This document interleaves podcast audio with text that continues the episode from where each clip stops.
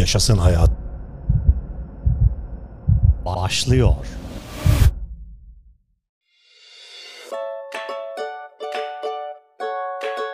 Sevgili dostlar, güzel arkadaşlarım. Yaşasın hayatta bugün yağlara dönüş başlığını attım. Herkese selam olsun. Yaşasın hayat başlıyor. Hoş geldiniz. İyi yağlar ile sağlığınızı tekrar rayına sokun.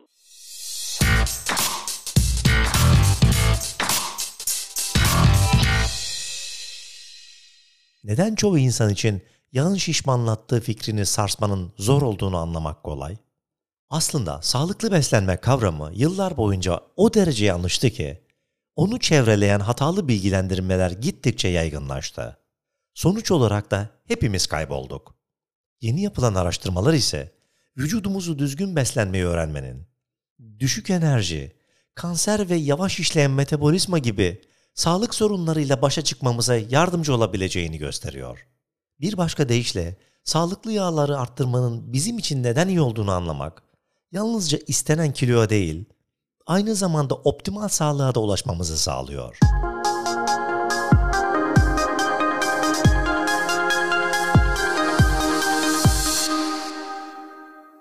Anlamamız gereken ilk şey, yiyeceklerin neredeyse 100 yıl önceki gibi olmadığı.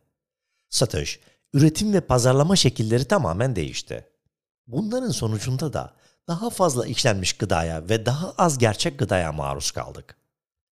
1930'larda kimyasal ve endüstriyel teknolojiler tarım sektörüne giriş yaptılar.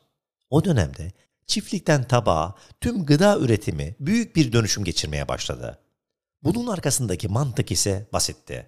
Artan üretim ve daha satın alınabilir yiyecekler. Zaman geçtikçe ve insanlar daha az yiyecek ürettikçe tüketiciler gerçek yiyeceklerin ne olduğunu unuttu.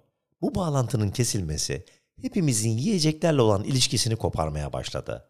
Özellikle de bizim için neyin iyi olduğu ve vücudumuzun farklı gıdalara nasıl tepki vereceği gibi konularda. Hedefimiz tüm bunları değiştirmeyi ve sağlıklı yağlardan yüksek, karbonhidratlardan düşük ketojenik beslenme düzeninin vücudumuza kilo vermenin ötesinde neler yapabileceğini ortaya çıkarmak. Peki tüm bunlar nerede yanlış gitti? Yağın kötülenmediği bir zaman hatırlamayabilirsiniz. Şu an baktığınız her yerde az yağlı ürünler rafları kaplıyor ve tüm favori içeceklerinizin diyet sürümleri mevcut. Sebep mi? 20. yüzyılın en önemli beslenme araştırmacılarından biri olan ve görüşleri çoğu kamu sağlığı kuruluşu tarafından yaygın olarak benimsenen Ankle Case'tir. Case'in 7 ülkedeki çalışması kalp rahatsızlığının yağ ile ilişkili olduğunu ortaya koydu. Ancak çalışmanın aslında sadece 22 ülkeye dayandığını belirtmedi. Case, hipoteziyle uyuşmayan ülkelerin kanıtlarını yok saymayı tercih etti. Fakat hasar çoktan verilmişti. Case'in pozisyonunun ironisi, yağın gerçekten de bir problem olması ama bunun fazla yağ ya da doymuş yağ ile ilgisi olmamasıydı. Sorun, endüstriyel ve işlenmiş omega 6 bitkisel yağların oldukça önemli omega 6 bölü 3 oranını bozarak metabolik felaketlere neden olmasıydı. Rafine edilmiş karbonhidratlar ki çoğu yağın yerini aldı, tabakların merkezinde sahne alıyordu. Ve bu metabolik felaketleri daha da kötüleştirdi. Metabolik felaket özellikle de mitokondriye zarar veriyor. Bunlar her hücrede binlerce bulunan ve sağlıklı kalmak için gerekli güç merkezleri. Fakat işlerini yapabilmeleri için uygun beslenmeye ihtiyaçları var. İdealin altında yakıt ikmali uzun vadede sağlığınızı sabote eder ve tıpkı aracınıza kötü yakıt koymak gibidir. Bağırsak bakterileriniz ekseriyetle çiğ, az işlemden geçmiş gıdalara, özellikle de insanların yeteri kadar tüketmediği sebzelere ihtiyaç duyar.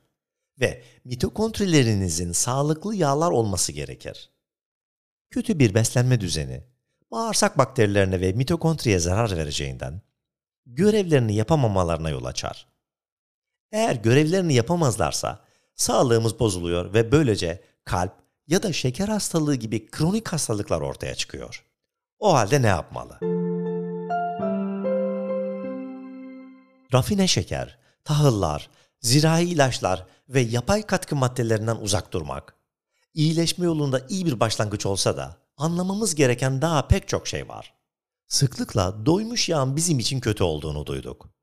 Oysaki yağların ketonlara dönüştürülüp beyin yakıtı gibi davranmasından düşük kolesterol seviyelerine yardım etmesine kadar birçok faydası bulunuyor.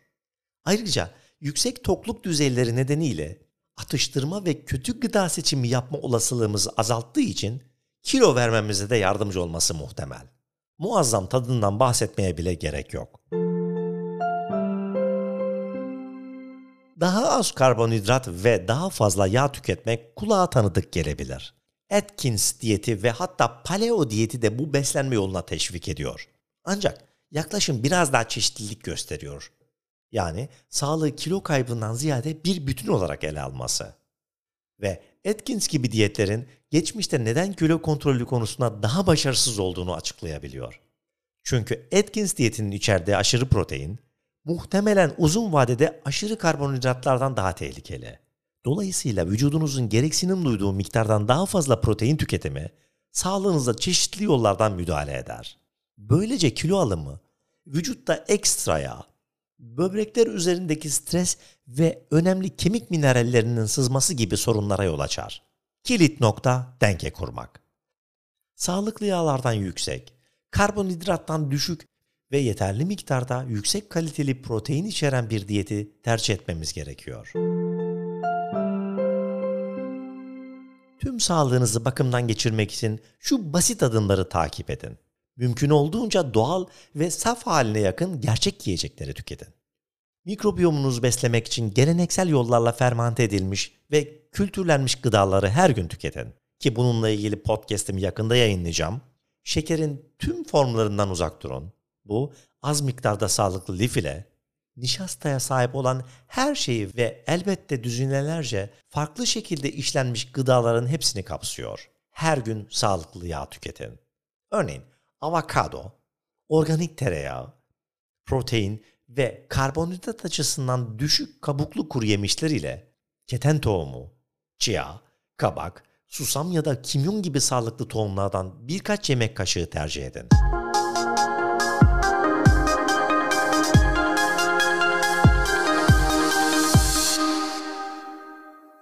Sağlık haberleri, sağlık haberleri. Mayo Clinic 732 bin denek kullanılarak omega 3'ün etkileri üzerine yapılan 17 adet yayımlanmış raporu inceleyerek bu yağ asitlerinin kalp hastalıkları riskini %18 oranında düşürdüğünü buldu. Amerika Kalp Vakfı ise haftada en az 2 porsiyon omega 3 zengini balık tüketilmesini öneriyor. Sağlık haberleri, sağlık haberleri.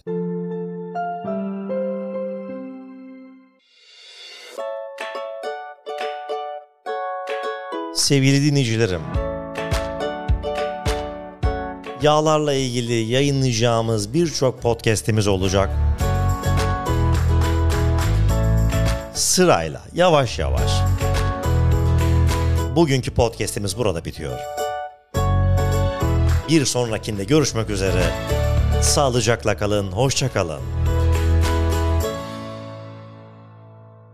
Taylan Peker'le Yaşasın Hayat bitti.